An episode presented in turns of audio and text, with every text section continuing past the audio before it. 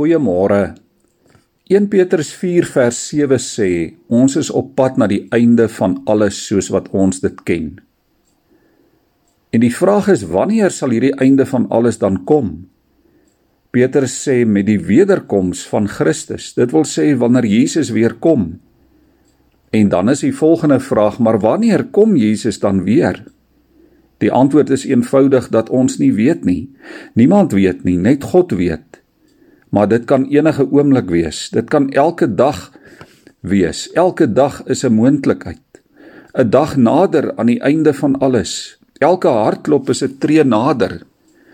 Ek onthou die bekende en dinamiese evangeliese prediker oom Willie Maree het een keer in 'n evangelisasie reeks daarin ons vorige gemeente gesê: Die wederkoms is so ver of so naby soos die dag van jou dood dan is genade tyd verby. Maar die Here kom ook op 'n spesifieke dag en 'n spesifieke tyd, op 'n spesifieke moment in die geskiedenis. Ons weet nie wanneer nie, maar ons moet leef asof dit vandag of môre kan wees en daarom sê Petrus ook die einde van alles is naby. Die eerste Christene vir wie Petrus skryf, het 'n baie sterk wederkomsverwagting gehad.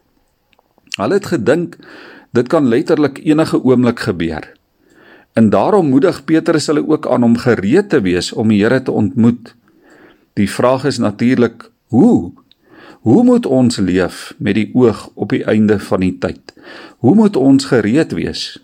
Petrus sê in soveel woorde: Moenie agteroor sit en niks doen nie.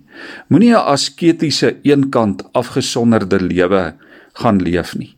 Moenie moed verloor nie. Moenie teleurgestel voel of bang wees nie. Moet ook nie onverskillig begin raak en besluit ag jy kan maar doen wat jy wil nie. In vers 7 tot 11 vertel hy wat ons moet doen. Petrus sê wees selfbeheerst en nigter. Hou moed, hou kop in julle deurmekaar wêreld. Hou aan bid. En in vers 8 sê hy bo alles moet julle mekaar hartlik lief hê. Ons moet mekaar opreg en onselfsugtig ondersteun uit ons harte uit vir mekaar omgee op pad na die wederkoms.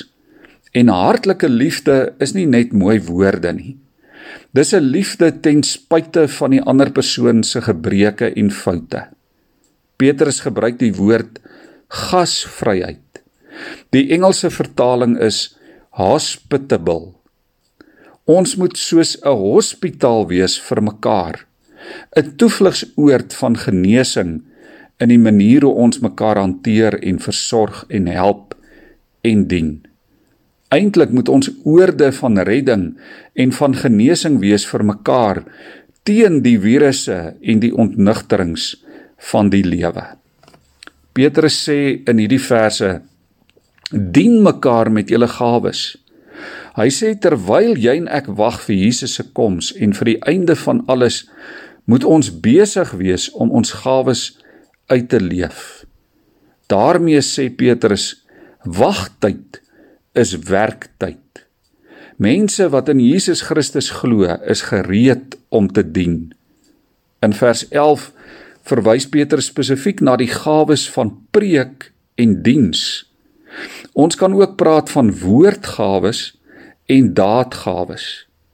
Nou weet ons sommige van ons is praters en anders is doeners. En daar's 'n plek vir ons almal in die kerk van Christus.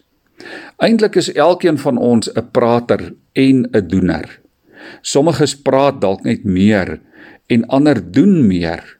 Maar ons is saam hier om God in alles te verheerlik, sê Petrus in vers 11. Liewe vriende, My gebed in hierdie tyd is regtig dat Christene en die kerk, ons as gemeentes, jy en ek na COVID-19 nie dieselfde sal wees nie.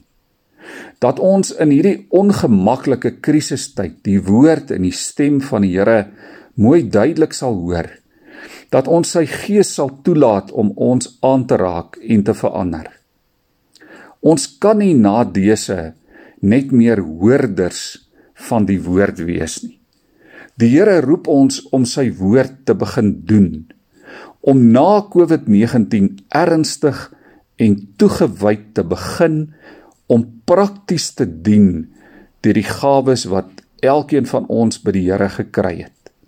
Vra in hierdie tyd vir jouself, vra vir die Here: Here, waar en hoe kan ek begin om 'n verskil te maak vir God se koninkryk in die wêreld?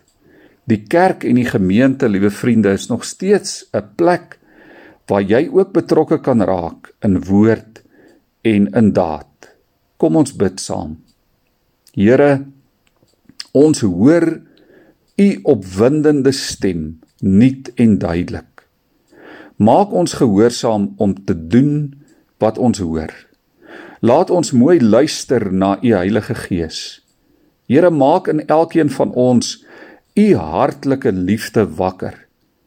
Ja, laat ons hospitale van hoop wees vir die wêreld. Hospitale waar mense salf kan kry vir hulle wonde en suurstof vir hulle siele. Here, laat ons mekaar dien in woord en in daad. Laat ons u woord verkondig totdat u weer kom. Amen.